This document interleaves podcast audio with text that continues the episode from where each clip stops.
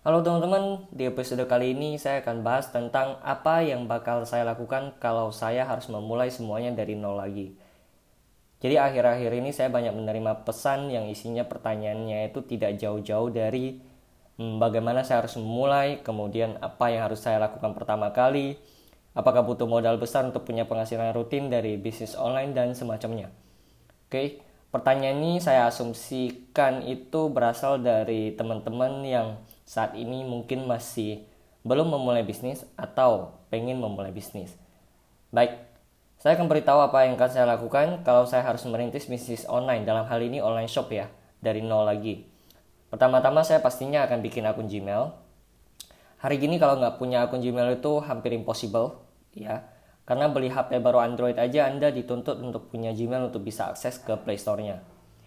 Jadi Gmail ini nanti dibutuhkan untuk register di berbagai platform yang kita pakai buat jualan seperti Instagram, Marketplace, dan lain-lain. Nah kemudian setelah itu saya akan bikin akun sosial media khusus untuk online shop. Facebook dan Instagram cukup untuk pemula.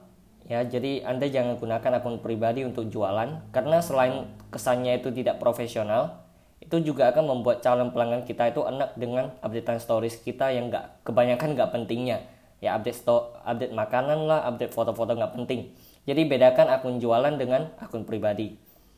Nah setelah itu ngapain lagi? Saya akan register di marketplace buka toko di marketplace oke? Saya akan daftar sebagai seller di marketplace itu sangat mudah sekarang. Ya anda juga nggak akan dipungut biaya.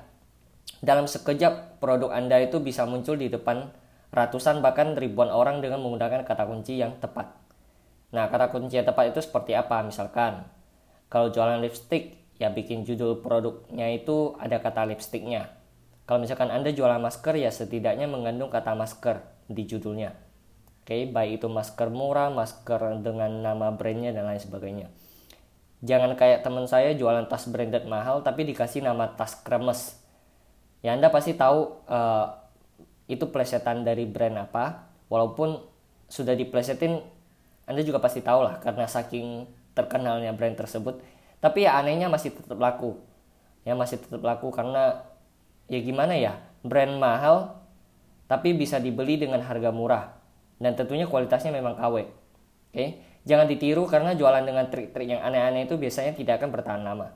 Ibarat lagi kucing-kucingan sama yang punya lahan lambat laun pasti akan keciduk. Percaya deh. Nah setelah itu ngapain lagi? Cari supplier ya cari supplier dan kita mulai dengan metode dropshipping. Nah kalau misalkan anda nggak mau pusing riset nyari supplier yang oke anda bisa daftar di dropshipaja.com anda bisa dapetin produk-produk custom yang bisa langsung anda jual eh, nggak uh, pakai lama. Oke? Jadi dropship itu pada dasarnya itu nggak butuh stok barang. Anda hanya perlu terima orderan dari customer anda. Customer transfer ke anda berarti ini anda sudah dapat duitnya. Baru anda pesan ke supplier anda dan akhirnya pesanan tersebut itu dikirimkan ke customer Anda atas nama toko Anda sendiri. Ya. Nah, kemudian Anda juga butuh yang namanya rekening bank yang aktif m-bankingnya atau internet banking. Jadi fungsinya apa? Agar Anda nggak perlu bolak-balik cek duit masuk ke ATM. Ya nggak lucu dong kalau misalkan customer Anda transfer ke Anda, terus Anda mau ngecek aja harus bolak-balik ATM. Nah, itu fungsinya m-banking atau internet banking. Oke, jangan bilang nggak punya, bikin ya usaha. Kemudian nyari uh, nyari supplier itu sebenarnya gampang-gampang susah. Ibarat Anda itu lagi nyari jodoh, ya harus bisa klop satu sama lain baru bisa awet. Saya kalau nyari supplier itu uh, untuk metode dropshipping ya, yang saya utamakan itu adalah pelayanannya dulu, baru produk. Oke, jangan dibalik. Pelayanan dulu, baru produk. Nah, yang termasuk dalam pelayanan itu antara lain misalkan uh, kecepatan mereka membalas pesan saya, jadi supplier eh, calon-calon supplier yang sudah saya incer nih, saya bakal ngetes kirim pesan ke mereka. Saya akan lihat seberapa cepat mereka membalas pesan saya. Ya karena sangat penting sekali ketika kita udah mulai jualan, terus misalkan ada customer yang nanya-nanya ke kita dan kita tidak tahu jawabannya, kita tentunya butuh jawaban dari supplier kita. Oke, dan kalau misalkan supplier kita jawabnya lama, otomatis kita juga jawabnya lama ke customer kita dan biasanya akan menurunkan tingkat konversi. Orang uh, customer kita akan terlebih dulu jadi males ya karena kita balasnya lama. Oke.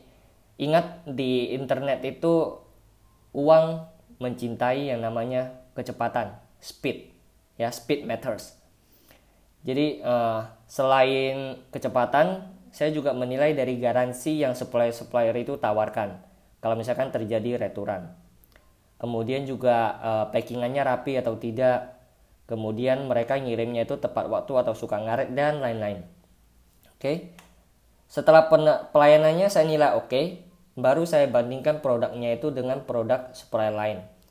Nah, kalau misalkan urusan produk nih yang dijadikan perbandingan utama tentunya adalah harga. Apakah harganya itu lebih murah atau lebih tinggi dari supplier sebelah? Tapi kalau ternyata harga murah tapi servisnya jelek, saya tetap akan pilih yang servisnya bagus meskipun harga nggak murah-murah amat. Ya, soalnya apa? Soalnya kita bicara long term business bukan bisnis musiman ataupun bisnis SSG yang kalau bahasa saya ya suka-suka gue kapan mau buka kapan mau stop oke okay. next kita akan uh, siapkan kuota internet dan smartphone ya jadi kuota internet sama smartphone itu sebenarnya sudah cukup tapi akan lebih baik kalau misalkan anda punya laptop ya karena dengan adanya laptop produktivitas anda juga akan sangat terbantu namanya bisnis online ya Anda pasti butuh yang namanya internet. Oke, jadi jangan berpikiran kalau misalkan tanpa modal, wah berarti saya benar-benar nggak usah keluarin duit spesial pun enggak. Ya minimal Anda butuh yang namanya kuota. Oke.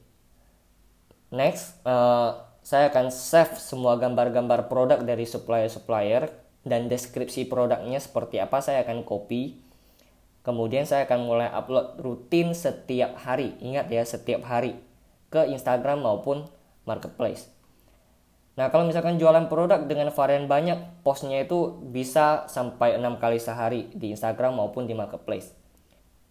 Nah, tapi kalau jualan produknya itu mungkin cuma uh, variannya kalau misalkan cuma satu, dua atau tiga, Anda bisa selingin dengan konten-konten yang sifatnya masih berhubungan dengan apa yang Anda jual. Misalkan kalau ada jual kosmetik, Anda selingin dengan konten-konten yang berbau kecantikan, tips awet muda dan lain sebagainya. You name it ya. Dan konten tersebut harus bisa membuat calon customer kita itu engage. Nah kalau saya bicara konten uh, bisa berupa image video infografi memes dan lain-lain. Konten itu banyak macam ya. Jadi yang pikirannya itu konten itu adalah artikel artikel dan artikel. Enggak. Ya. Nah untuk Anda yang main di Instagram, pastikan Anda pakai image yang kontras dan bersih. Karena Instagram elemen terbesarnya itu adalah image. Yang paling pertama orang lihat itu adalah image. Jadi anda jangan gunakan image hasil jepretan HP yang masih sebanyak semutnya itu loh. Ya nggak banget. Oke? okay? Marketplace sebenarnya sangat saya sarankan untuk Anda investasikan sedikit uang di sana untuk beriklan agar produk Anda itu lebih sering muncul di pencarian dengan kata kunci tertentu. Nah, kemudian jumlah budgetnya itu berapa? Kalau buat saya pribadi untuk awal mulai, sehari 20-30 ribu itu cukup. Oke, jangan tanya saya gimana cara ngiklan marketplace di sini, Anda bisa cari tahu sendiri. Ya. Karena uh, kenapa penting untuk menginvestasikan sebagian kecil duit Anda ke sana karena gini, kalau menurut saya ya, Anda nggak invest ke bisnis pun uang segitu juga pasti akan Anda habiskan di mall. Percaya sama saya. Oke, jadi Anda harus konsisten, investasikan sedikit, yang penting konsisten 20-30 ribu is fine. Ya, nggak harus sampai 100 ribu atau 1 juta sehari di awal nggak usah. Nggak perlu. Ya, dan Anda akan lihat hasilnya nanti. Setelah Anda melakukan semua itu, orderan biasanya akan datang. Chattingan dari calon pembeli itu akan masuk ke WhatsApp Anda, Line, atau Messenger Anda. Anda tinggal melayani dengan baik dan closing. Oke. Selanjutnya Anda tinggal ulangi langkah-langkah yang sudah saya sebutkan tadi dan Anda akan merasakan nikmatnya penghasilan dari bisnis online hanya kerja dari rumah, modal gadget dan kuota internet. Dan biasanya setelah ini ya yang berhasil itu adalah mereka yang langsung praktek tanpa tanya kenapa ini? Kenapa itu? Uh, emang bisa ya? Emang uh, gak gini ya? Gak gitu ya? Itu yang ciri-ciri orang yang bahkan berhasil. Sesuai pengalaman saya loh ya. Saya banyak melihat uh, murid-murid saya itu yang biasanya berhasil itu adalah yang praktek tanpa banyak omong. Dan biasanya overthinking akan tetap stay overthinking sambil berjalan di tempat. Oke, Oke, untuk episode kali ini sekian dulu ya untuk yang ingin dapat duit dari online karena perjalanan masih panjang sebenarnya untuk benar-benar bisa membangun sebuah kerajaan bisnis yang besar dan sustain. Bisnis online itu sebenarnya real, ya sama halnya seperti bisnis offline. Tidak cuma harus mengerti internet marketing saja, tapi Anda harus mengerti bagaimana membangun perusahaan yang sustain. Dan ini baru permulaan. Oke? Jangan lupa marketing sehari ini. See you in the next episode.